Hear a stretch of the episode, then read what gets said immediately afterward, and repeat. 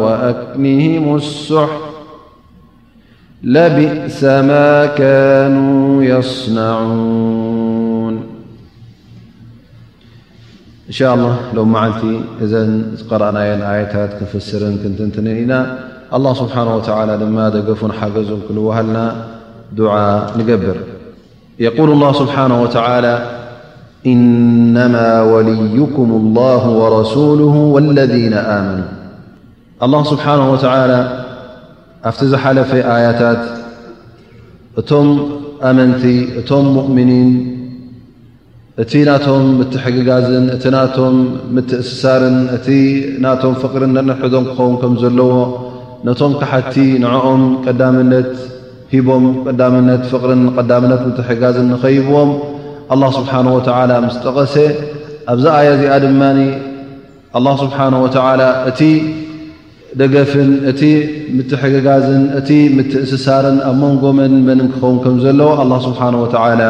ይሕብር ኣሎ ማለት እዩ ፈየቁል ላ ስብሓን ወተዓላ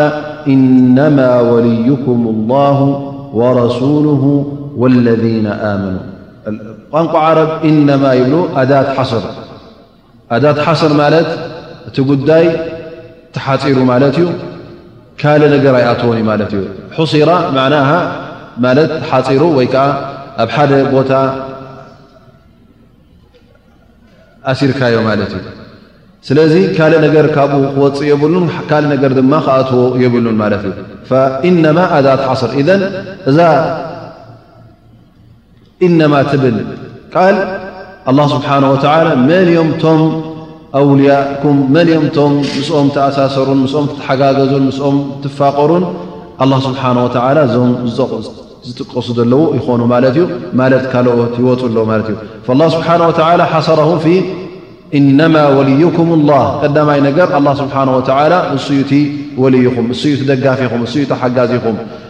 እስኹም ድማ ግዴታ እቲ ኣላ ስብሓን ወተዓላ ዝበለኩም ንዕኡ ቀዳመነት ሂብኩም ንዕኡ ኣብ ግብሪ ከተውዕሉ ኣለኩም ትእዛዛት ኣላ ስብሓን ወተዓላ ንኡ ቀዳምነት ሂብኩም ቀዳም ኣብ ግብሪ ከተውዕሉ ኣለኩም ማለት እዩ ስለዚ ዝኾነ ይኹን ትእዛዝ ዝኾነ ይኹን ግበር ኣይትግበር ዝብል ቀዳምነት ንመን ኢኻ ትቦ ናይ መን ኢኻ ትሰምዕ ናይ ኣላ ስብሓን ወተላ እዚ ናይ ኣላ ስብሓን ወተላ ክኸውን ከሎ ከምኡ ውን ወረሱሉ ከምኡ ውን እነቢይ ለ ላ ለ ወሰለም ምኽንያቱ ነቢና ሓመድ ለ ሰለም ትሒዞሞ ዝመፁ መልእኽቲ ካብ ኣላ ስብሓን ወተላ ተቕኑዕ ዲን ስለ ዝኾነ እሶም ድማ መራሒና ስለ ዝኾኑ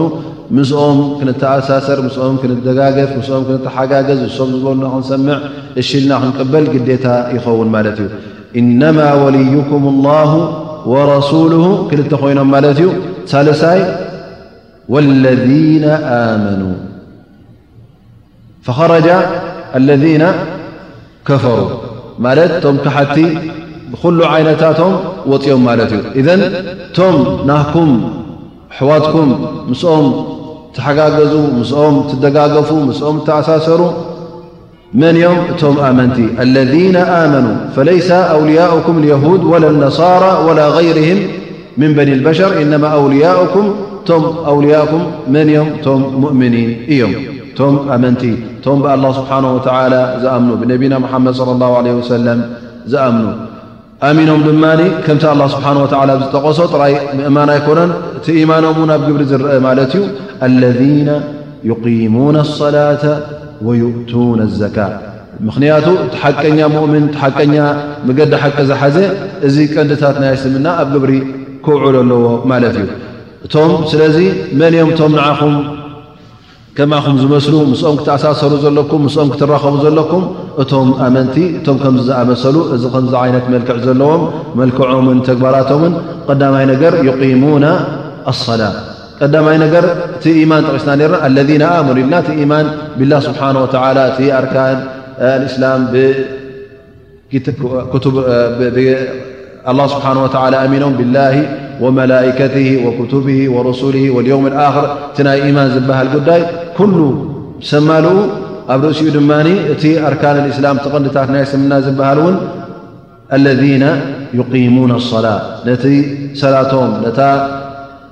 ፈርዶም ዝኸቱ ኩሉ ደንብታታን ኩሉ ኣርካና ማለት ከምኡ ውን ሽሩጥናታ ቅድሚ ኩነትናታ ኩሉ ዘማልኡ እዞም ሰባት እዚኦም ዩقሙነ ሰላት ይበሃል እዛ ሰላት እዚኣ ዘቕምዋ ሰንከልከል ዘይትብል ሰላት ማለት እዩ ቅንዕቲ ሰላት ክኸውን ከላ እምበር ክንደይ ሰብ ኣሎ ይሰግድ ግን ሰላት ናቱ መገዲ ዘይሓዘ እንተ ኮይኑ እዛ ሰላት እዚኣ ኣብ ቅድሚ ኣላ ስብሓን ወተዓላ ቆይማ ኣይትቁፀርን እያ ስለዚ ኣላ ስብሓን ወተዓላ ኣይቅበላን እዩ ኣለነ ዩቂሙን ኣሰላተ ከምኡ ውን ወዩእቱና ኣዘካት ላ ስብሓን ወተዓላ ክልተ ነጥቢ ጠቒሱ ማለት እዩ። እዚኣ እተን ቀንድታት ካብተን ቀንድታት ቀዳማይ ነገር ኢቃመት ሶላት እዚ ድማ እቲ ኣብ መንጎኻን ኣብ መንጎ ኣላህን ስብሓን ወተዓላ ፍልይ ዝበለ ዒባዳ ክኸውን ከሎ ወይእቱነ ዘካ ድማ እዚ እውን ካልኣይ ዒባዳ ክኸውን ከሎ ግን እቲ ጥቕሙ ድማ ናብ መን ዝሰግር ማለት እዩ ዘካት ክትህብ ከለኻ እዚ ጉዳይ እዚ ነቶም ባሮትካ ነቶም ባሮት ኣላ ስብሓን ወተዓላ ነቶም ኣሕዋትካ ትጠቕመሉ ማለት እዩ ስለዚ ቀዳማይ ነገር እዚ ዕባዳ ፍልይ ዝበለ ዕባዳ እቲ ሰላት ክጥቀስ ከሎ ድሕሪኡ ድማ ካልኣይ ዓይነት ዕባዳ ጠቕሙን ረብሐኡን ድማ ንደቂ ሰብ ዝኾነ ማለት እዩ ዕባዳ ክነሱ ኣጅር እንከለዎ ኣላ ስብሓን ወተዓላ ዝኣዘካ ኸውን ከሎ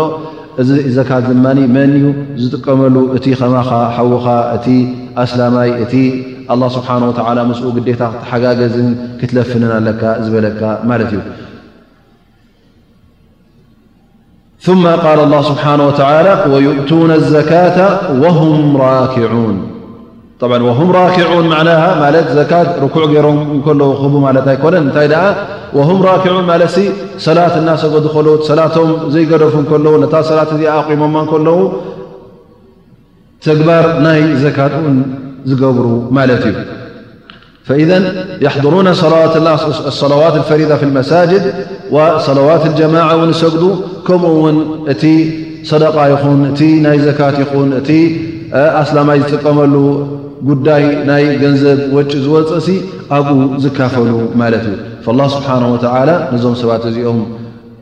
ከምዚ ገይሩ ክጠቕሶም ከሎ እዚኦም እዮም እቶም ኣሕዋትካ እቶም ምስኦም ክተኣሳሰር ዘለካ እቶም ምስኦም ክትራኸብ ዘለካ ኢሉ ኣላ ስብሓን ወተዓላ እታ ጉዳይ ኣብ መን ሓፂርዋ ማለት እዩ ኣብዞም ሰለስተ ሸነኻት ኣላ ስብሓን ወተዓላ ነቢ ሙሓመድ ስለ ላሁ ለ ወሰለም ከምኡ ውን እቶም ኣመንቲ ብኣላ ስብሓን ወተዓላ ዝኣመኑ መገዲ ረቢ ዝሓዙ ሰላቶም ዝኸተቱ ዘካቶም ዝኸፈሉ ኢሉ ኣላ ስብሓን ወተዓላ ሓቢሩና ማለት እዩ ስለዚ እዚ እቲ ቐንድታት ነገር ዘማልኡ ክኾኑ ከለዉ እዚኦም ናይ ብሓቂ ኣስላም ኮይኖም እቶም ናይ ብሓቂ ኣመንቲ ኮይኖም ማለት እዩ ኣብቲ ዝሓለፈ ኣያታት እውን ከም ዝጠቐስናዮ እዚ ኣያ እዚ ሰበብ ናቱ ወይ ከዓ ጠንቆ መውረዲኡ ዑባዳ እብኒ ሳምት ረድ ላሁ ዓንሁ እቲ ናቱ መርገፅ ፍልይ ዝበለ መርገፅ ኣንፃር እቶም ሙናፍቒን ከም ዝነበረ እቶም ሙናፍቒን ከም በዓል ዓብዱላ ብን ኡበይ ብሰሉል እንታይ ዓይነት እከይ ዝኾነ መርገፅ ነይርዎም ዑባዳ ብን ሳምት ድማ ልክዕ ከምቲ ናቶም ቅድሚ ሕጂ ምስቶም ኣይሁዳውያን ኹኑ ምስቶም ከሓቲ ጥቕምን ርክብን ነይርዎ ክነሱ ግን እቲ ጉዳይ ምፍልላይ ምስ መፀ እቲ እዞም ሰባት እዚኦም እዞም ሙሽርኪን እዞም ከሓቲ እዞም የሁድ ኣንፃር እስልምና ክቃለሱ ምስ መፁ እዞም ሰባት እዚኦም ካብኦም ናፃ ክኸውን በሪእ ንክኸውን እቲ ምስኦም ዝነበረ ልፍንትን እቲ ምስኦም ዝነበረ ርክብን ንዕኡ ከም ዝቆረፀ ኣላ ስብሓን ወተላ ምስ ጠቐሰ እዚ ሰብ እዚ ምስ ጠቐሰ ኣላ ስብሓን ወተላ እዚ ኣያ እዚ ድማ ኣውሪዱ ኣላ ስብሓን ወተላ ከምቲ ኣብቲ ዝሓለፈ ኣያታ ዝጠቐሰልና እቶም ሙናፍቒን ዝብልዎ ዝነበሩ እንታይ እዮም እቲ ገለገለ ዝጠቕስዎ ዝነበሩ ስለምንታይ እዮም ትልፍንትን ትምርኽኻብን ምስቶም ኣይሁዳውያን ኮይኑ ምስቶም ሙሽርኪን ንኽቕፅል ዝደልዎ ዝነበሩ ኣብ መንጎኦም ዝነበረ ርክብስ ምእንቲ ምንታይ እዩ ምናልባሽ ገለ ይርከብ ይኸውን፣ ምናልባሽ እዚ እስልምና እዚ ይዕወትን ይኸውን ኢሎም ዝሓስብዎ ዝነበሩ እቲ ሓደ ካብቲ ጠንቅታት ካብቲ ኣስባብ ክኸውን እንከሎ ኣላህ ስብሓን ወተዓላ እዚ ሰበብ እዚ እውን ህላውነት ከም ዘይብሉ ህላውነት ከም ዘይብሉ እውን ኣላ ስብሓን ወተዓላ ኣብዚ ኣያ ትመፅ ዘላ ይጠቕሰልና ማለት እዩ ልዛሊከ የቁል ላ ስብሓን ወተዓላ ወመን የተወላ ላሃ ወረሱለሁ ወለذነ ኣመኑ ፈኢነ ሒዝበ ላሂ ሁሙል ጋሊቡን እዘን ፅባሕ ንግሆ ምናልባሽ ጠቕሙ ንኾኑ ምናልባሽ እቲ እስልምና ገለ ይደክም ይኸውን ኢልካ እዚታትሲ ክሕሰብ ከም ዘይብሉ ዓወት ኩሉ ግዜ ነቲ ኣውልያ ኣላህ ስብሓነሁ ወተዓላ ነቶም ኣውልያ ረሱል ሰለላሁ ዓለይሂ ወሰለም ነቶም ኣውልያ ሙእሚኒን ዝኾኑ ሰባት ናቶም ከም ምዃኑ ተዓወት ኩሉ ግዜ ኣላህ ስብሓነሁ ወተዓላ ንዕኦም ከም ዝጸሓፈሎም ኣብዚ ነቶም ኣመንቲ ንኸይፈርሁን ነቲ ኣብ ልቦም ዘሎ ኢማን እውን ብዝያዳ ንኽተርር ኣላህ ስብሓነሁ ወተዓላ በዛ ኣያ እዚኣ ይሕብር ኣሎ ማለት እዩ ኢዘን እቲ ምስቶም ሙእምኒን ዝኸውን ምስቶም መገዲ ኣላ ስብሓን ወተዓላ ዝሓዝ ዝኸውን ምስኦም ዝለፍን ምስኦም ዝኣስር እሱ ይዕውት ደኣ እምበር እቲ ዓወት ካብ ካልኦት ካብቶም ፀላእቲ እስልምናን ካብቶም ፀላእቲ ኣላህን ስብሓን ወተዓላ ካብቶም ፀላእቲ ነቢና መሓመድ ለ ላሁ ለ ወሰለም ካብኦም ክደልዮ እንተ ደኣ ኮይኑ እዚ ሰብ እዙ ኣብ ኣዱንያን ኣብ ኣኼራን ኣብ ክሳራ ከም ዘሎ ክርስዕ የብሉ ሊዛሊክ ኣላ ስብሓን ወተዓላ ኣብዚ ኣያ ጥራይ ዘይኮነ ኣብ ብዙሕ ኣያታት ጠቒሶ እዩ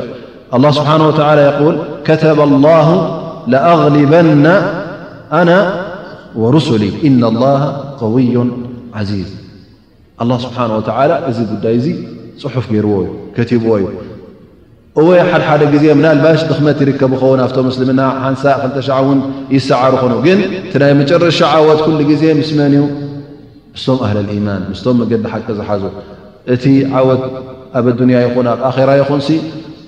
እቲ ናይ ብሓቂ ዓወት እቲ ናይ መጨረሻ ዓወት እቶም ሙእሚኒን እዮም ክበጽሕዎ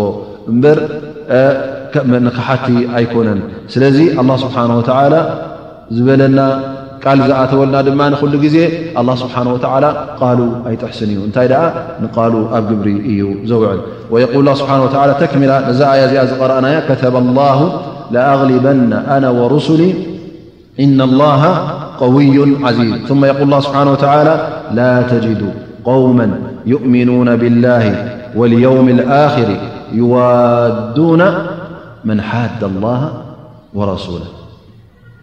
ፈጺምካ ከም ዝኣመሰ ብሓቂ ኢማን ዘለዎ ሰብሲ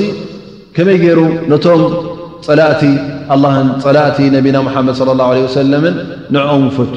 እዞም ሰባት እዚኦም ነቲ ዲንካ ዝፀልኡ ነቲ ኢማንካ ዝፀልኡ ነቲ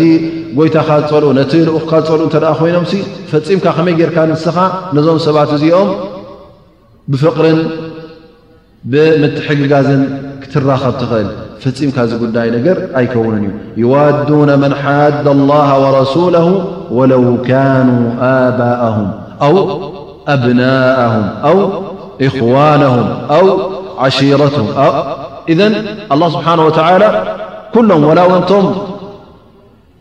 ኣሕዋትካ ኣቦኻን ኣዴኻን ይኹኑ። እንተ ደኣ እዚ ሰብ እዚ ኣንጻር እስልምናን ኣንጻር ዲንካ ዝኸይድ እንተ ደኣ ኮይኑ እዚ ሰብ እዚ ምስኡ ሕውነት የብልካን ማለት እዩ። ምኽንያቱ ዲንካ ዝጸልእ እንተ ደኣ ኮይኑ ንጎይታኻ ዝጸልእ እንተ ደኣ ኮይኑ ነቲ ኣላህ ስብሓነሁ ወተዓላ ዝለኣኸሉ ክጸልእ እንተ ደኣ ኮይኑ ንዓኻ እውን ኣሰና ኣይፈትወካን ማለት እዩ። ምኽንያቱ ንስኻ ሰዓቢ ናይ ነቢና ሙሓመድ ስ ለ ሰለም እተ ኮንካ ነቢና ሙሓመድ ስ ሰለም እተ ዝፀልእ ኮይኑ ብዓብኡ ንዓኻ ብዝያዳ ክፀልኣካ እዩ ስለዚ ነዚ ሰብ እዚ ከመይ ጌርካ ብፍቕሪ ትቕበሎ ወላ እውን ብኣፉ ካልእ ዘረባ ተበለካስ ብሓቂ እዚ ሰብ እዙ ፍቕሪ ከም ዘይብሉ ንዓኻ ከም ዘይፈትወካስ ክትፈልጥ ኣለካ ላኪን ኣላ ስብሓን ወተዓላ ምናልባሽ እቲ ናይ ኣዱንያ ነገር ከይዐሽወካ እቲ ናይ ሕውነት ናይ ኣዱንያ ንከይዐሽወካ እውን ኣላ ስብሓን ወተዓላ ወላ እውን ኣቦኻ ይኹን ወላ እውን ወድኻ ወላ እውን ሐውኻ ይኹን ወላ ውን ቶም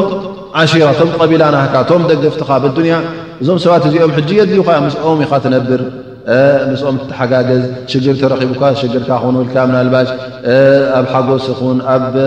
ሓዘን ይኹን ምሳኻ ዘካፍሉ ስለዝኾኑ እሞ ኣነስ ነዚኦም ደኣ ከመይ ገይረ ኣብ መንጎይን ኣብ መንጎኡን ዘሎ ክበትኽ ንኸይትብል ኣላ ስብሓን ወተዓላ እቲ ዓብዪ ርክብ ምስ ኣላ ስብሓን ወተዓላ ክኸውን ከም ዘለዎ ወላ እውን ጥቕሚ ናይ ኣዱንያ ይትረፍካ እንተ ደኣ ምስቲ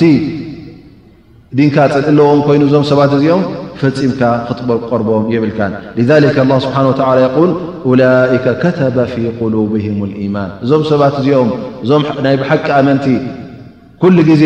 ፍቕሮም ነቶም ኣመንቲ ጥራይ ዝኸውን ወላ ውን ከየገደሶም ኣሕዋቶም ይኹኑ ኣቦታቶም ይኹኑ እንተ ካብቲ መንገዲ ወጺኦም ነዞም ሰባት እዚኦም እንተ ዘርሕቑ ኮይኖም ኣላ ስብሓን ወተዓላ እዚኦም ሰባት እዚኦም ናይ ብሓቂ ኢማን ዝሃቦም እዩ ኡላይከ ከተባ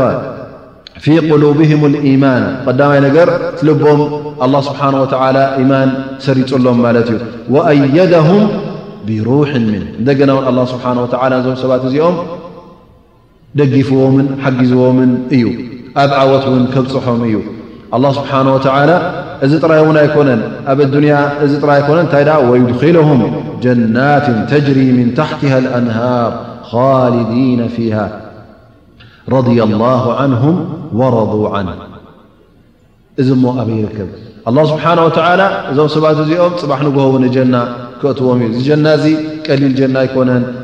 ተጅሪ ምን ታሕቲ ያህሊ ኣንሃር ብትሕቲኡ መዓት ውሓይ ዝፍልፍል ማለት እዩ ኻልዲና ፊሃ ዘየቋርፅ መዋእልካ እትነብረሉ ረድያ ላሁ ዓንሁም ወረዱ ዓን እቲ ዝዓበየን እቲ ዝሓሸን እቲ ዝለዓለን ድማ ኣላ ስብሓን ወተዓላ ክረድየልካ እንከሎ ንስኻ ኣላህ ስብሓን ወተዓላ ክረድየልካ እንከሎ እትረኽቦ ሽሻይ እውን ቀሊል ኣይኮነን። በቲ ኣላህ ስብሓን ወተዓላ እውን ዝሃበካ እውን ክትረዲ እንከለኻ ናይ ሪዳ መድረኽ ክትበፅሕ ከለኻ ድማ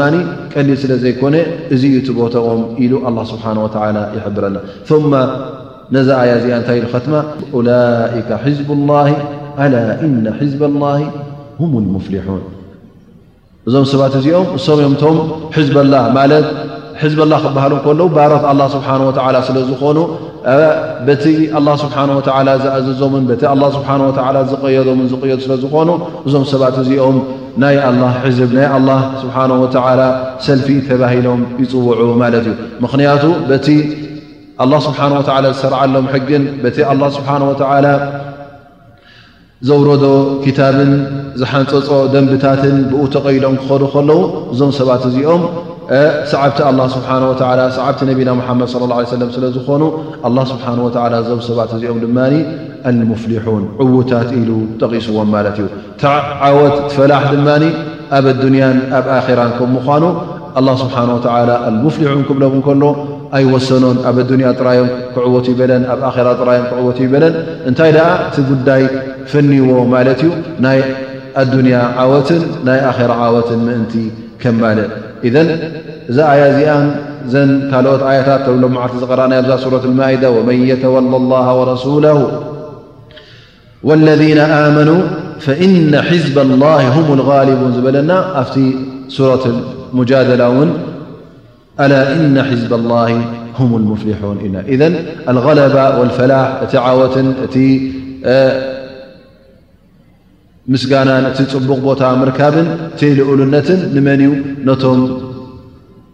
መገዲ ኣላህ ስብሓነሁ ወተዓላ ዝተኸተሉ እዩ ደኣ እምበር ነቶም ሙናፊቒን ኣይኮነን፣ ነቶም ደድሕሪ ከሓድቲ ዝኾዱ ኣይኮኑን፣ ነቶም ናይ ኣዱንያ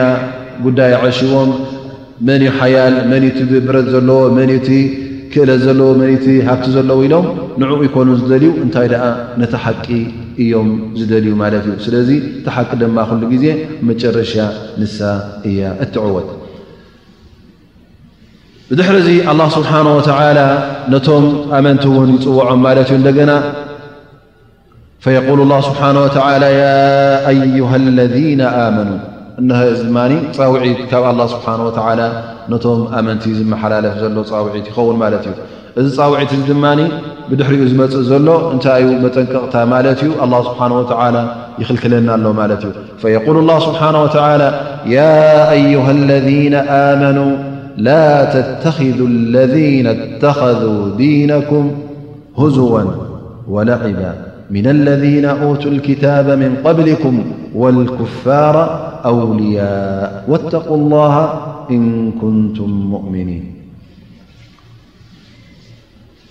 ኣላ ስብሓን ወተዓላ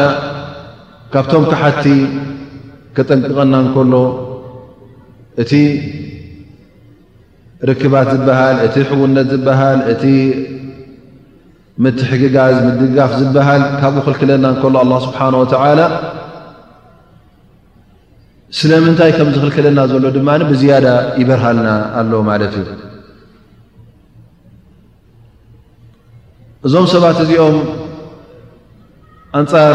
እቲ ዲንኩም ከም ምዃኑ ኣንጻር ሃይማኖትኩም ከም ምዃኖም እንሆ ትርእዎም ኣለኹም እዞም ሰባት እዚኦም እተኸዙ ዲነኩም ሁዝወን ወለዒባ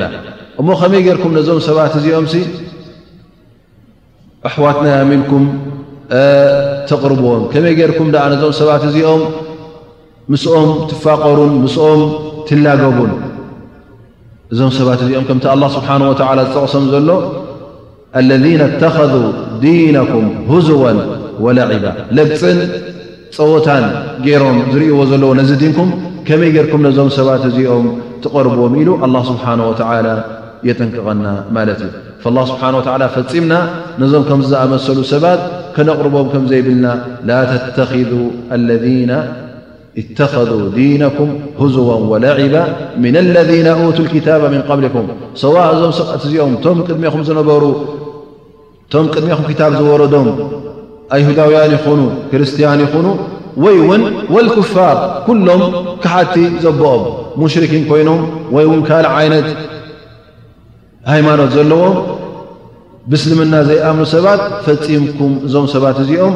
ኣንፃርቲ ዲንኩም ነዚ ዲንኩም እዚ ለግፂ ስለ ዝወስድዎ ዓይኒ ጸወታ ስለ ዝርእይዎ ፈጺምኩም ነዞም ሰባት እዚኦም ኣውልያ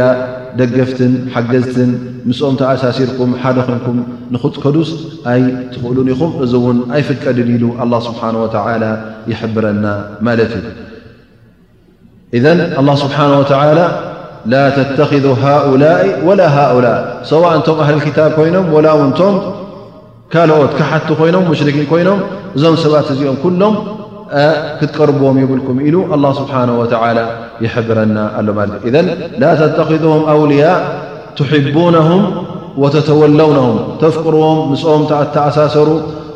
ወቱብዱነ ለሁም ምን ኣስራር ልሙእምኒን ማለት እቲ ናይ ኣመንቲ እቶም ናይ ሙእምኒን ምስጢራት ዘሎ ንዕኦም ክተገልህሎም ንኦም ክተርእዎም ምስኦም ተሓጋግዝኩም ድማ ንእስልምና ነቶም ኣስላምን ዝጎድእ ነገር ክገብሩ ከለኹም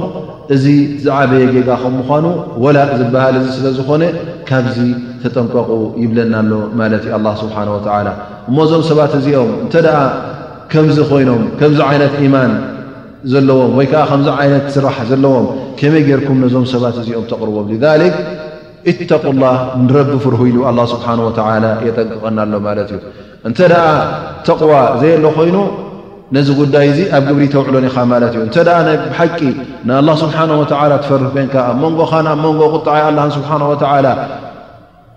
መከላኸሊ ክትገብር እንተ ኮንካ ነዚ ጉዳይ እዚ ተጠንቀቐሉ ይብለካ ኣሎ ኣላ ስብሓን ወተዓላ ፈፂምካ ነዞም ሰባት እዚኦም ኣውልያ ክትገብሮም የብልካን እንኩንቱም ሙእምኒን እወ እንተ ደኣ ብሓቂ ኣመንቲ ኮይንኩም ድማ እንተ ደኣ ብሓቂ ንኣላ ስብሓን ወተዓላ ዝበለኩም ተኣምኑ ኮይንኩም ፈፂምኩም ነዞም ሰባት እዚኦም ነዞም ፀላእቲ ዲንኩም ንፀላእቲ ኢማንኩም ነዚ ኢማንኩም ዘይፈትዉ ሰባት ፈፂምኩም ክትቀርብዎም የብልኩምን ኢሉ አላ ስብሓ ወተላ የጠንቀቐና ማለት እዩ أبكال آياقدمحجي أبزحلف آيتات يقول الله سبحانه وتعالى لا يتخذ المؤمنون الكافرين أولياء من دون المؤمنين ومن يفعل ذلك فليس من الله في شيء إلا أن تتقوا منهم تقاة ويحذركم الله نفسه وإلى الله المصير ኢዘን ከምዚ ዝኣመሰለ ኣያታት ብዙሕ ስለ ዝኾነ እዚ ጉዳይ እዚ እውን ብጣዕሚ ክንግደሰሉ ኣለና። ምኽንያቱ እቲ ጽልኢ ካባና ዝጀመረ ኣይኮነን፣ ካብቲ ሙእሚን ዝጀመረ ኣይኮነን። እንታይ ደኣ እቲ ለግጽን እቲ ጽልእን ኩሉ ግዜ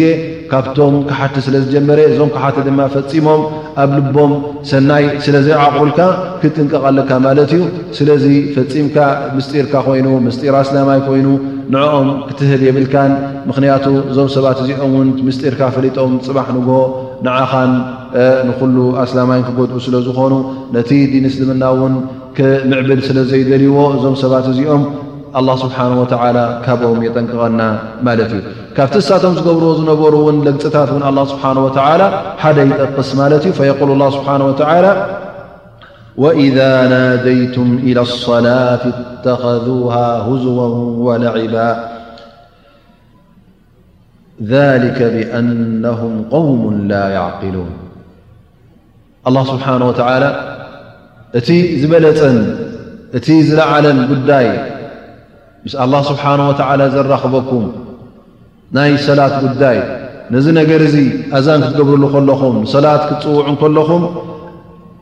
እቲ ዝዓበየ ተግባር ምስ ኣላህ ስብሓን ወተዓላ ዘራኽበኩም፣ እቲ ዝበለጸ ዒባዳ፣ ዝበለጸ ኣምልኾት ንኣላህ ስብሓን ወተዓላ ክተቕርብዎ እንከለኹም፣ እዞም ሰባት እዚኦም ነዚ ጉዳይ እዚ ብዓይኒ ለግጽን ብዓይኒ ጸወታን ስለ ዝርእይዎ፣ እዞም ሰባት እዚኦም ፈጺሞም እቲ ትገብርዎ ዘለኹም ንገዛእ ርእሱ ኣይርድእዎን እዮም ኢሉ ኣላህ ስብሓን ወተዓላ ይሕብረና ማለት እዩ።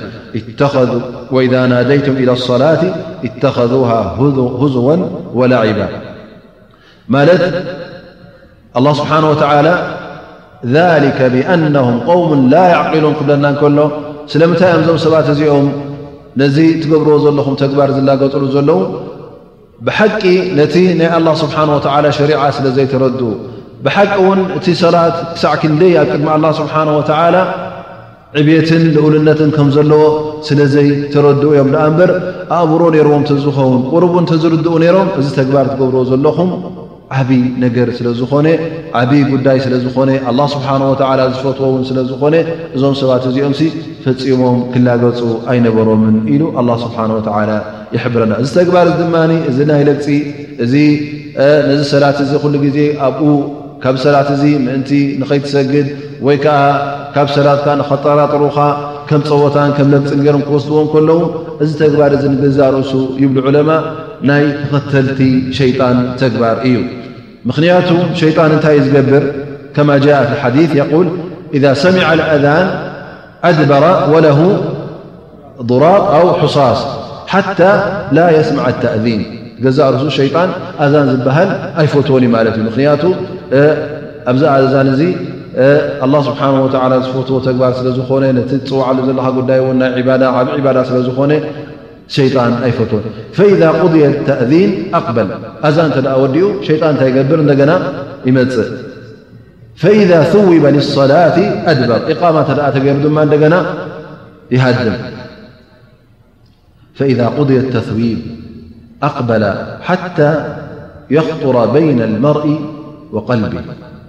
فيول ذاذكر كذا لما لم يكن يذكره حتى يظل الرجل لا يدري كم صلى فإذا وجد أحدكم ذلك فليسجد سجدተين قبل السلام متفق علي እዚ حدث እታይ تغና ان صلى الله عليه وسلم ر ና يا يና ق ተغቲ ሸيጣان ك مኖ برሃ ين ذن ክسمع ካብቲ ዘለዎ ቦታ ይሃድም እናጠረጠ እዩ ዝሃድም ሂላ ይሃልል ማለት እዩ ኣዛን ምስ ተውደ ድማ እንደገና ይመፅእ ክመፅእ እንከሎ ነቲ ክሰግድ ዝደለየ ነቲ ውዱእ ክገብር ዝደለየ ንዕ እውን ከደናጉዮ ከብሎ ማለት እዩ ድሕሪ ኢቓማ እንተ ተገይሩ ድማ እንደገና ይሃድም ይርሕቕ ድሕሪ ኢቓማ ድማ እንደገና ይመፅእ ማለት እዩ እዘን እቲ ኣምር ብልማዕሩፍ ዝበሃል ናሃይ ዓን ሙንከር ዝበሃል እተን ክልተ ነጥቢ ክንፈልጠን ዘለና እንተ ነዚ ጉዳይ እዚ ኣብ ግብሪ ዘይነውዕሎ ኮይና እቲ ኣምር ብልማዕሩፍ ወናሃይ ዓን ሙንከር እቲ መቕፃዕቲ ክወርድ እንተ ኮይኑ ጥራይ ነቲ በዓል ጌጋ ኣይኮነን ዝወርዶ ነቲ ጌጋ ዝገብር ዘሎ ጥራይ ኣይኮነን ዝወርዶ እንታይ ደኣ ነቶም ስቕ ኢሎም ዝርእዩ ዝነበሩ እውን ኣላ ስብሓን ወተላ ክቐፅዖም ከም ምዃኑ እዚኣ እቲ ሓንቲ ነጥቢ ማለት እየ ሊክ ነቢ ስ ሰለም የቁል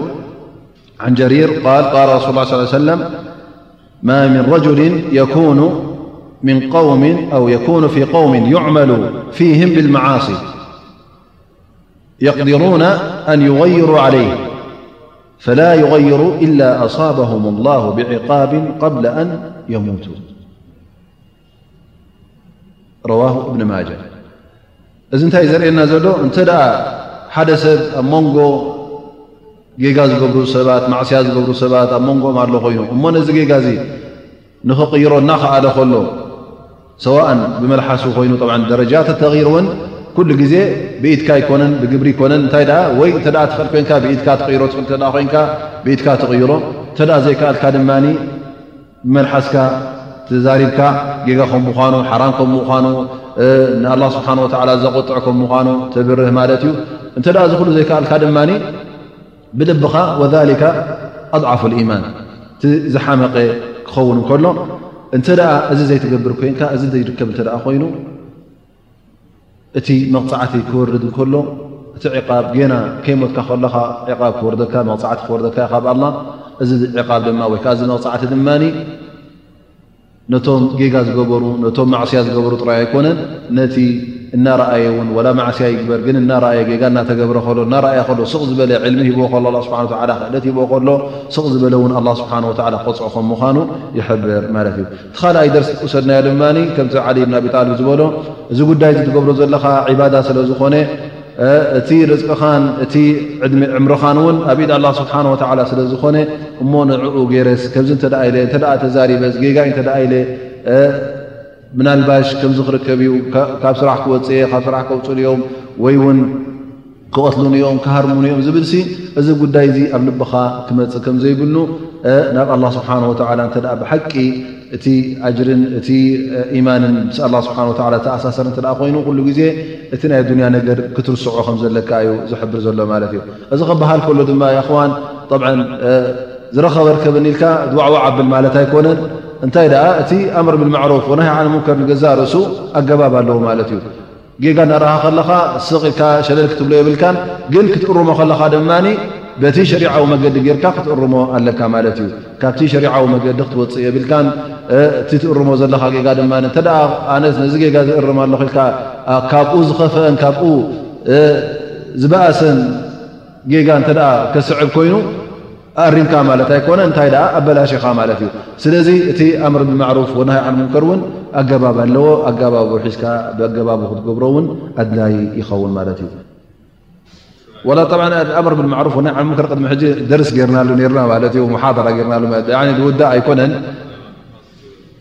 ግን እታ ኣብዚ መፅኣ ዘላ ድማ ሕጂ እታ ቀንዲ ነገር እቲ ዓብ ታህዲድ ዘሎ ንሪኦ ዘለና ኣላ ስብሓን ወተላ ነቶም መራሕቲ ሃይማኖት ዝበሃል ብትግርኛ ቶም ዑለማ ማለት እዩ ንዕኦም ልክዕ ከምቶም ገበነኛታት ከምቶም ወንጀለናታት ገይሩ ክቐጽዖም ከምኡ ገይሩ ስለ ከም ዝረኣዮም ድማ ልክዕ እቲኦምን እቲኦምን ሓደ ዓይነት ቦታ ከም ዘለዎም ኣላ ስብሓን ወተዓላ ክርእየና እንከሎ ሕጂ እቲ ጉዳይ ቀሊል ከም ዘይኮኑ ኢና ክንርዳእ ዘለና ማለት እዩ ምናልባሽ ሓደ ሰብ ጌጋ ክገብር እንተ ሪእኻዮ እንታይ ገዲሽና ደይስዩ ዝገብራ ዘሎ ወይ ከዓ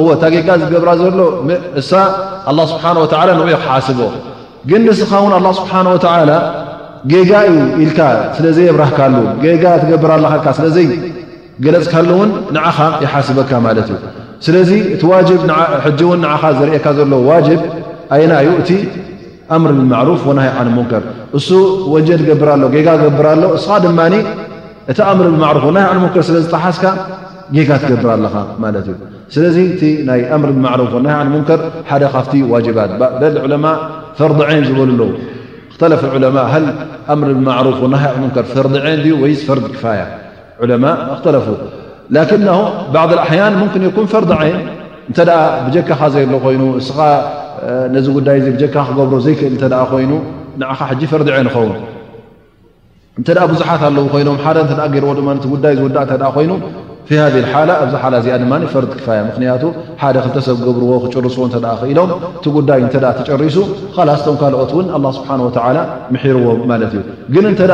ኩላትና ነቲ ጌጋ እናረኣናዮ እንከለና እተ ኩላትና ስቕ ኢልና እቲ ጌጋ እንተ ቀፂሉ ድማ እንታይ ክኸውን ኣሎ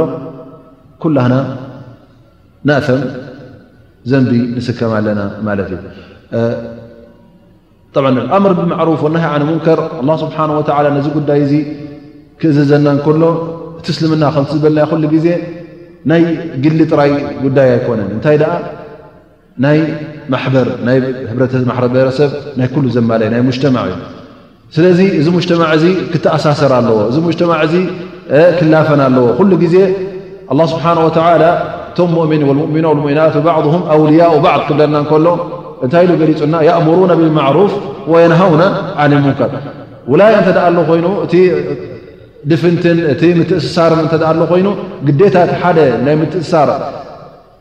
ዓይኒ ዘርኢ እንታይ ኣይና እዩ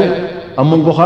ኣምር ብልማዕሩፍ ወነሃይ ዓን ሙንከር ክህሉ እንከሎ ምኽንያቱም ንሕትካ ሰናይ ትደሊ ኣለኻ ማለት እዩ እንተ እዚ ህብረተሰብ እዚ በትን በትን ብኮታት ተረኪብዎ ድማ እታ መርከብ ክጠልቕ እያ ማለት እዩ ክጠልቕ ከላ ድማ ነቲ ብኮ ዝገበረ ይኮነ ትረክብ ንመን ደኣ ጀሚዕ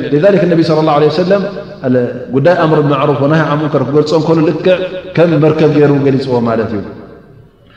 ከልቀውሚ እስተሃሙ ዓላ ሰፊና ማለት መርከብ ሰቒሎም ማለት ገሊኦም ላዕሊ ገሊኦም ድማ ኣብቲ ታሕቲ ነይሮም ማለት እዩ ገሊኦም ላዕሊ ሰሪሮም እቶም ታሕቲ ዘለዉ ድማ ታሕቲ ነይሮም ትኸይ ነራ እዛ መርከብ ኣብዚ ባሕሪ እዙ ሕጂ እዞም ታሕቲ ዘለዉ ጠብዓ ማይ ከምፁ እንተ ደኣ ኮይኖም ናበይ ኸዱ ነይሮም ካብቲ በድሮም ወፂኦም ካብቲ ታሕቲ ዘሎን ላዕሊ ወፂኦም ማይ ገሊሎም ይወስዱ ማለት እዩ ካብቲ ባሕሪ ይኣትዉ ድማ ሕጂ ሓሲቦም ማለት እዩ ጥዕና ዘለዎ ሕሳብ መሲልዎም ንሕናስ ላዕሊ እናወርድና ደዊሽናዮም እዞም ላዕሊ ዘለዉ ክንድይብ ክነብል ኣሕልፉና ክንብል እንታይ ይሓይሽ እሞ እንታይ ኢሎም ተሰማሚዖም ማለት እዩ እሞ ዘይልኩዕታ ኢሎም ጉድጓድ ዘይንገብረላ ንእሽተይ ታሕቲ ኣብኣ ከና ክንወስድ ክትፍልፍል ማለት እዩ ጠብዓ እዚኣ ዝገብርዋ ዘለዉ ሕጂ ኣበ ዮም ዝገብሩ ዘለዉ ክታ ናቶም ቦታ እዮም ዝገብሩ ዘለዉ ላዕሊ ይኮነን ዘበላሽዉ ዘለዉ እንታይ ደኣ እታ ሶም ዝድቅሱላ ቦታ ንዓ የበላሽዉ ኣለዉ እቶም ላዕሊ ዘለዉ ሕጂ እንታይ ገዲሹና እዚ ጉዳይ ናቶም እዮም ኢሎም እተ ገዲፎሞ ተደልዮም ኹዓቱ ተደልዮም ይፈልፍልዋ ተደልዮም ይቕድሑ ኣብኡ ከለዎ ናቶም ጉዳይ እም ተ ኢሎም እታ ሒዞማ ዘለዉ ቦታኦም እያ ከፊሎምላ እንድዮም እንታይ ገዲሹካ ከፊለላ እንታይ ገዲሹካ ንስኻ ዲኻ ምሳይ ተሓሳሰብ ሓንሳ ሓደ ሰብ ኣምር ብልማዕሩፍ ናይ ብ እዚ ትግበር ጌጋ ክትብሎ ከለኻ እስኻ እንታይ ገዲሹካ ስኻ ምሳይ ረቢ ክሓስበካ ምሳይ ጀና ክትኣትዩ ምሳይ ጀሃነብ ክትኣትዩ ካ ብለካ ማለት እዩ እዞም ሰባት እዚኦም እተ ከምዚ ዓይነት ኣረኣያ ነይርዎም ኮይኖም ሞኒ ደሓን ባዕሎም ፈልጡ ናቶም እንዲ ኢሎም እተ ገዲፎሞም እንተ ክዒቶማ ብኣ ክትፍልፍል እያ ማለት ማይ ክትምላ እያ መርከብ ክትጠልቕ እተ ኮይና እቶም ታሕቲ ኮኑ ጥራይ ዝጠልቁ ኩሎም እታ መርከብ ሒዛቶም ክትጠልቕ እያ ማለት እዩ ሊክ ሰፊነት ሙጅተማዕ ኢሎም ይገልፅዋ ማለት እቲ ኣምር ማዕሩፍ ናይ ሙንከር ስለዚ ኣብ ሓደ መርከብ ስለ ዘሎ እቲ እስላማይ እቲ ሕብረቲ ማሕበረሰብ ኣብ ሓደ መርከብ ስለ ዘሎ እዚ መርከብ እዚ ኩላህና ክንሕልዎ ኣለና ማለት እዩ ንኸይጠልቕ ምኽንያቱ እተ በዝን በዝን ብኮ ተረኺቡ ንሓደ ኣይኮነን ዝጎድእ እቲ ፍስቕ እቲ ማዕስያ እተ ተረኺቡ ሎም መዓልቲ ብሓደ ጅምር ፅባሕ ንግሆ ክልተ ኮኑ ክልተ ዝነበሩ ሰለስተ ኮኑ እቲ ጉዳይ ድማ ንኩሉ ይዕብል ስለዚ እቲ ጉድኣት ኣብ ሓደ ሰብ ኣብ ክልተ ሰብ ኣይኮነን ዝዕገት እንታይ ናብ ኩሉ ንኩሉ ከበላሹ ንሉ ኣብ ኩሉ ክንዛሕ ስለ ዝኾነ ካብዚ ነገር እዚ ክንጥንቀ ከም ዘለና ኣላ ስብሓን ወላ ይኹን ነቢና ሙሓመድ ስ ሰለም ቶም ኣስሓብ ነቢ ስ ሰለም ዑለማ ሰለፍ ኩሉ ግዜ እዚ ጉዳይ እዚ ተገዲስና እቲ ኣምር ማዕሩፍ ዝበሃል ሲ ተገዲስና ኣብቲ ማሕበረሰብና ኣብቲ ህብረተሰብና ከነዘውትሮ ከም ዘለና ይሕብሩ ማለት እዩ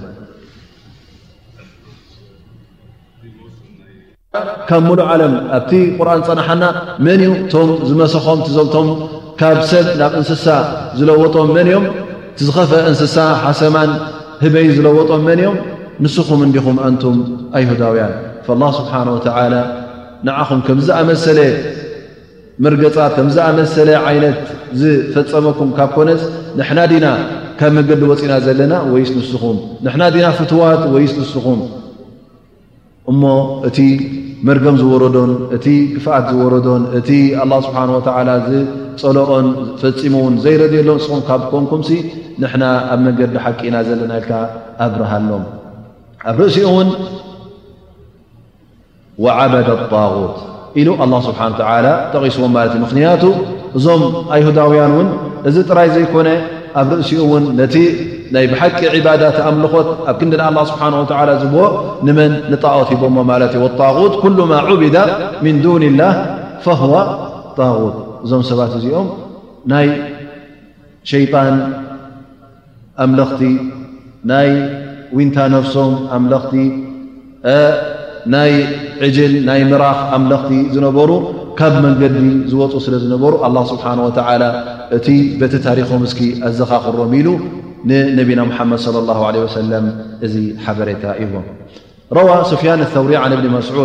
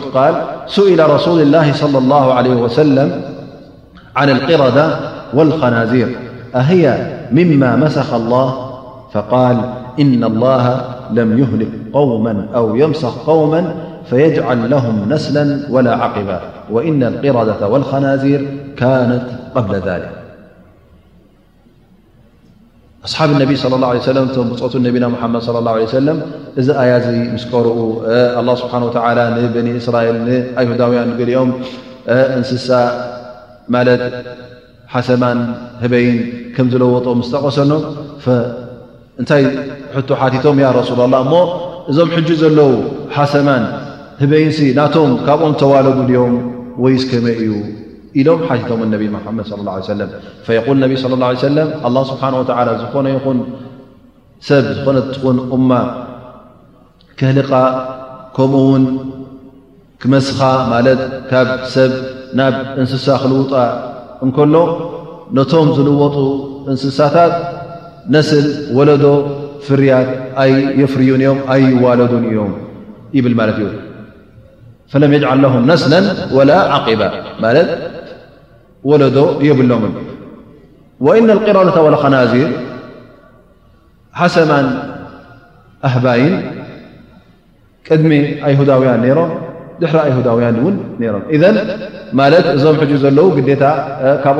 ካብኦም ተዋለዱ ይኮኑን ግዴታ ኣይኮነን እንታይ ደኣ ኣላ ስብሓን ወተዓላ ነቶም ዝመስኾም ዝነበረ ከም ዝዋለዱ ገብሮም ኣይነበረን እንታይ ደኣ ኣብኡ ከለዉ ከይተዋለዱ ይሞቱ ስለ ዝነበሩ ስለዚ ናቶም ወለዶ ኣይበሃልን እዩ ይብል ማለት እዩ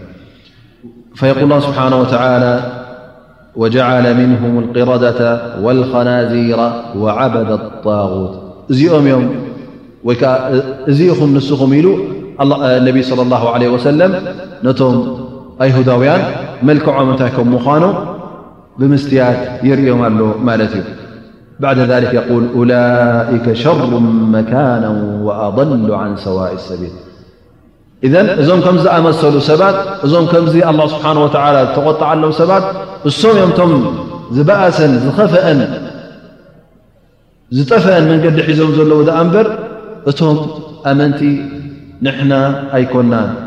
ንስኹም ኢኹም ኣንቱም ጥፉኣት ኣንቱም መገዲ ኣላ ስብሓን ወተዓላ ዘይሓዝኩም ኣንቱም እከያት ኢሉ እነቢዪ ስለ ላሁ ለ ወሰለም በዚ ኣላ ስብሓን ወተዓላ ዘውረደሉ ከምዚ ገይሩ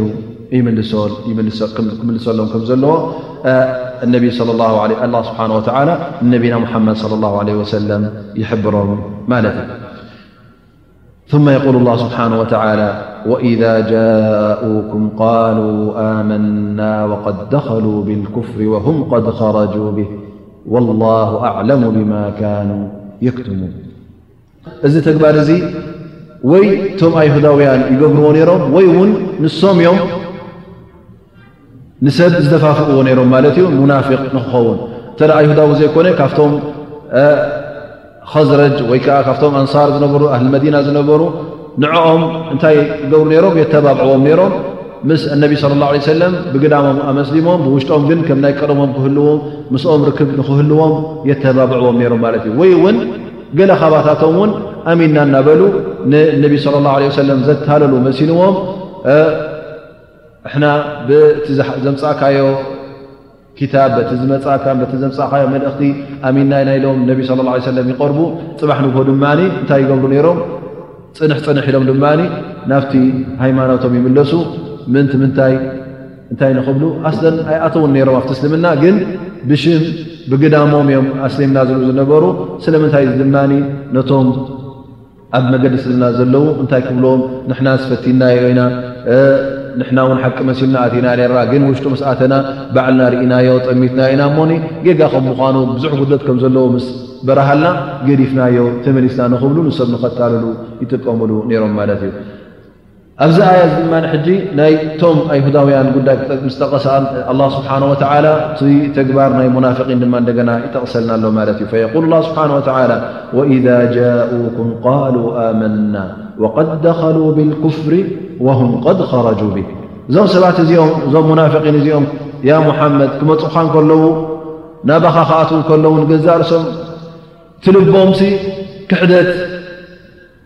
ሕዚ ዝኣቱ ዘሎ ንኢማን ኣይኮኑን ዝኣትዉ ዘለዉ ልቦም ንእምነት ተኸፊቱ ኣይኮነን ዝመፅእ ዘሎ እንታይ ደኣ እቲ ክሕደት ንገዛእ ርእሱ ኣብ ልቦም ሰፊሩ ኣሎ እቲ ክሕደት ሒዞሞ እዮም ዝቐርቡ ዘለዉ ናባኻ ክመፁ ከለዉ ናብቲ ስምና ክኣትዉ ከለዉ እታ ክሕደት ተሰኪሞማ እዮም ዝመፁ ዘለዉ ኣብ ልቦም ጽባሕ ንግሆ ድማ ካባኻ ክወጹ ከለዉ በታ ሒዞማ ዝመጹ ክሕደት ዝያዳ ኣብ ልቦም ተሰሪጻ ካብ ኣስላም ዝበሃል ዝነበረ ወይ ከዓ ካብቲ ሕብረተሰብ እስልምና ይኹን ካብቲ መጅሊስካ ያ ሙሓመድ ካብኡ ይወጹ ኣለዉ ፈጺሞም እቲ ዝሰምዕዎ ቃላት እቲ ዝረኣይዎ መርትዖታት እቲ ተኣምራት ዝረኣይዎ እውን ኩሉ ፈጺሙ ኣይጠቕሞምን እዩ። እዞም ሰባት እዚኦም ልቦም ብቐደሙ ጸሊም፣ እቲ ናቶም ድልየትን እቲ ናቶም ሃንቀውታን እቲ ሓሲቦሞ ዝነበሩ ድማ እቲ ተሊሞሞ ዝነበሩ ንእምነት ስለ ዘይኮነ እዞም ሰባት እዚኦም እውን ፈጺሞም ካባኻ ካብቲ መጅሊስካ ክወፁ እንከለዉ ምሳኻ ኮፍ ኢሎም ምሳኻ ክቕንዮም ኣብ እስልምና እስላም ኣምሲሎም ክቐርቡ እንከለዉ ፈፂሞም እዞም ሰባት እዚኦም ከይተጠቐሙ ዕልሚ ከይጠቐሞም እቲ መብራህቲ ናይ እስልምና ኣብ ልቦም ከይኣተዎ እንከለዉ እዞም ሰባት እዚኦም ካባኻ ይወፁ ኢሉ ኣላ ስብሓን ወተላ ሓቢሩና ማለት እዩ ወኢዛ ጃኡኩም ቃሉ ኣመና ወቀድ ደኸሉ ብልኩፍሪ ክኣትዉ ከለዉ ናባኻ ክቐርቡ ከለዉ እቲ ክሕደድ ሒዞም መፅኦም ኣብ ርእሲኡ ድማ ክወፁ ከለዉ ወቀድ ኸረጁ ብሂ እንደገና ኣላ ስብሓን ወተዓላ ቀድ ኢሉ እንደገና የረጋግፆ ኣሎ ማለት እዩ እቲ ክሕደት እውን ሒዞሞ ወፂኦም ማለት እዩ ስለዚ ማንም ወይ ከዓ ምንም ለውጢ ከየርኣዩ እዮም እዞም ሰባት እዚኦም ዝሓልፍዎ ዘለዉ ላኪን ኣላ ስብሓን ወተዓላ እንታይ ይብል ወላሁ ኣዕለሙ ብማ የክትሙን እቲ ብልቦም ሓቢኦሞ ዝነበሩ ናባኻ ክመፁ ከለዉ ኣሚንና እናበሉ ልብና ተኸፊቱ እንሸራሓ ቀልቡና እናበሉ እዮም ዝመፁኡኻ ነይሮም ላኪን ኣላ ስብሓን ወተላ እዞም ሰባት እዚኦም ትልእ ክሕደት ኣብ ልቦም ከም ዝነበረ ኣላ ስብሓን ወተላ እዩ ዝፈልጦ ተሓቢኦሞ ዝነበሩ እውን ኣላ ስብሓን ወተላ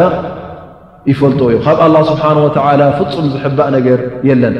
ሊዛሊክ ኣላ ስብሓን ወተላ ማዳም ኣላ ስብሓን ተላ ሁ ኣዕለም ብማ የክትሙን እቲ ዝገብሮ ዝነበሩ እቲ ሓቢኦሞ ዝነበሩ እሱ ይፈልጦ ስለ ዝኾነ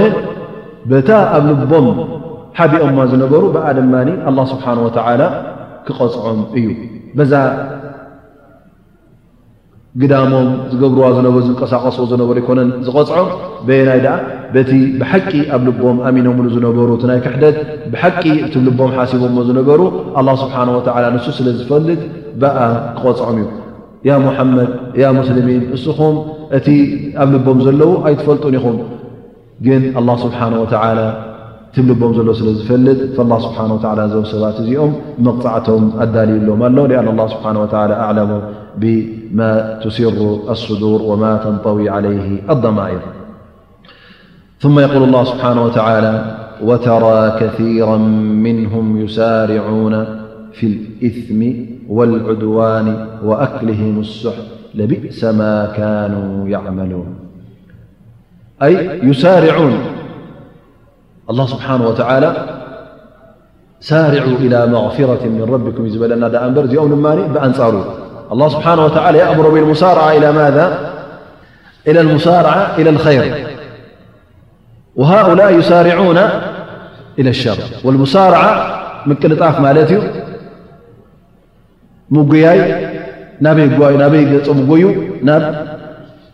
ن كح ن طفት فيتعاطون المحارم نفتران نجر نفت الله سبحانه وتعالى زيفته وترى كثيرا منهم يسارعون في الإثم والعدوان الثم والعدوان كلبلربب لكن قال العلماء الثم ما يتعلق في حق الله سبحانه وتعالى الله سبحانه تعالىأز الله سبحانه وتعالى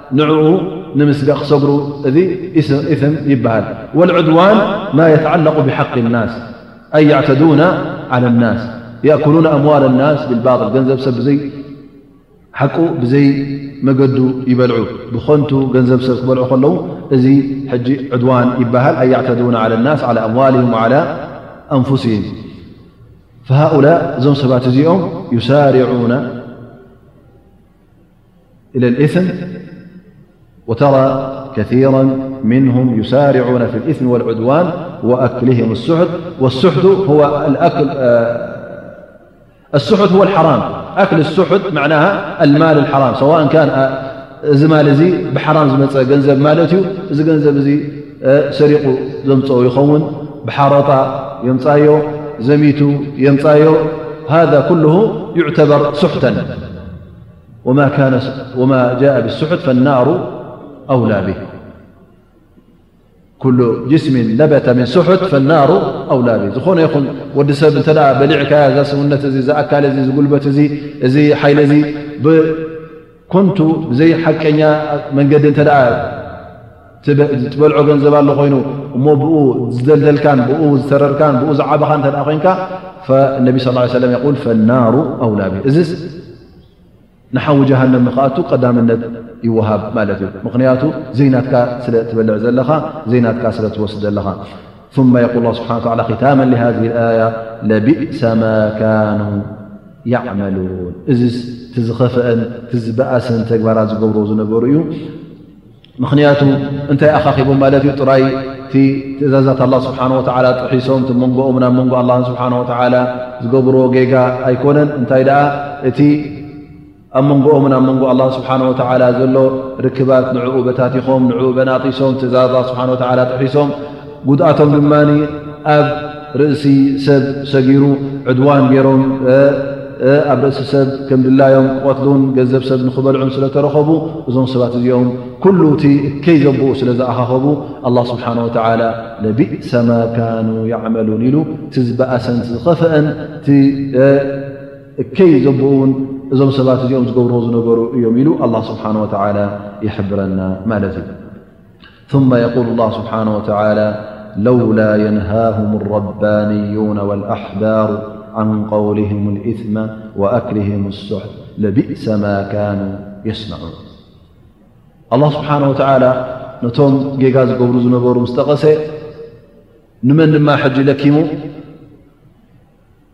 ነቶም ዑለማእ ነቶም ምሁራት ነቶም ፈላጣት እቶም ኣላ ስብሓን ወተዓላ ዕልሚ ዝሃቦም ፍልጠት ዝሃቦም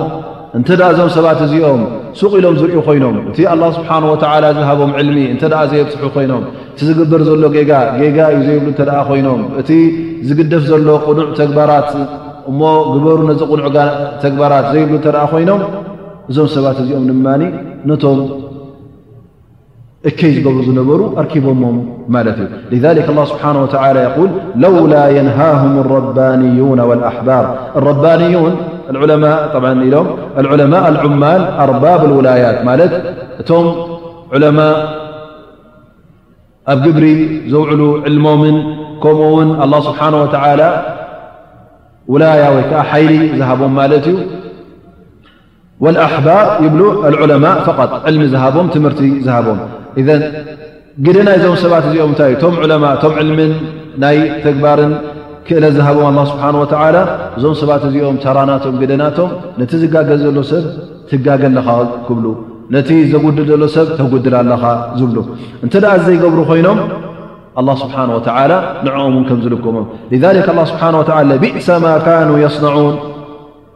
ዝብሎም ዘሎ ንመን እዩ ነቶም ዑለማ ስቕ ስለ ዝበሉ እከይ እናረኣዩ ከለዉ ያዕ ስለ ዘይበሉ ኣላ ስብሓን ወተዓላ ንዕኦም እውን ለኪቦም ፈለውላ የንሃሁም ኣይ ሃላ የንሃሁም ስለምንታይ እዮም እንታይ ኮይኖም እዮም እቶም ዑለማ እቶም ምሁራት እቶም ፈላጣት ዝበሃሉ ስለምንታይ እዮም ነዞም ሰባት እዚኦም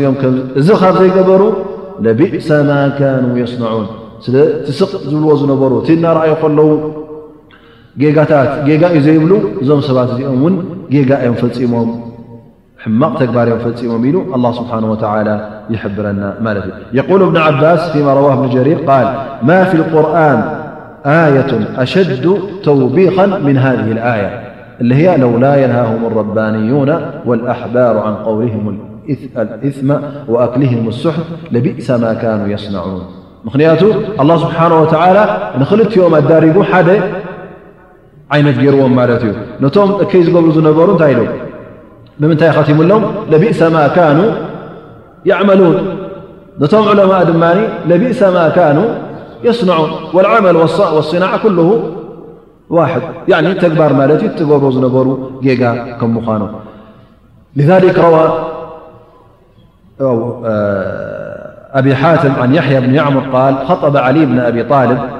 علي بن أبي طالب خطب فحمد الله سبحانه وتعالى وأثنى عليه ثم قال أيها الناس إنما هلك من كان قبلكم بركوبهم المعاصي ولم ينههم الربانيون والأحباق فلما تمادوا في المعاصي أخذتهم العقوبات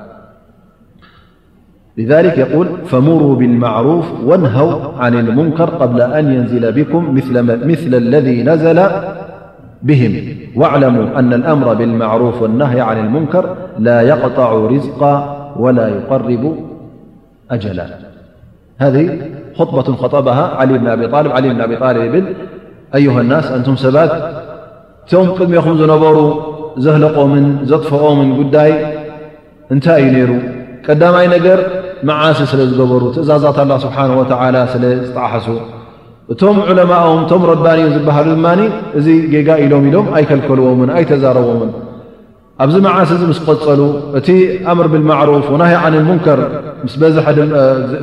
ምስ ተሳእነ ድማ ኣላህ ስብሓነሁ ወተዓላ ነዞም ሰባት እዚኦም ኣህሊቕዎም፣ ኣጥፊእዎም፣ ቀጺዕዎም። ስለዚ ተጠንቀቑ፣ ንስኹም ስቕ ኣይትበሉ፣ እከይ እንተድኣ ርኢኹም እዚ እከይ'ዩ ትጋገዩ ኣለኹም በሉ። እንተድኣ ማዕሩፍ ሰናይ ነገር ድማ ሰብ እንተ ኣዋሒዱ ነዚ ጉዳይ ዘይገብሮ እተ ሪኡ ነቲ ሰብ ንክገብሮ ኣተባብዕዎ ምኽንያቱ ይብል እንተ ዘይገበርኩም ኣላ ስብሓን ወተላ ከምቶም ቀዳሞት ልክዕ ንዓኹም እውን ክቐፅዓኩም እዩ ስለዚ መለበሚ ይኹንኩም ኣን ላ ስብሓን ወላ ታሪክ ናይ ኣይሁዳውያን ዝጠቕሰልና ከሎ ኩሉ ግዜ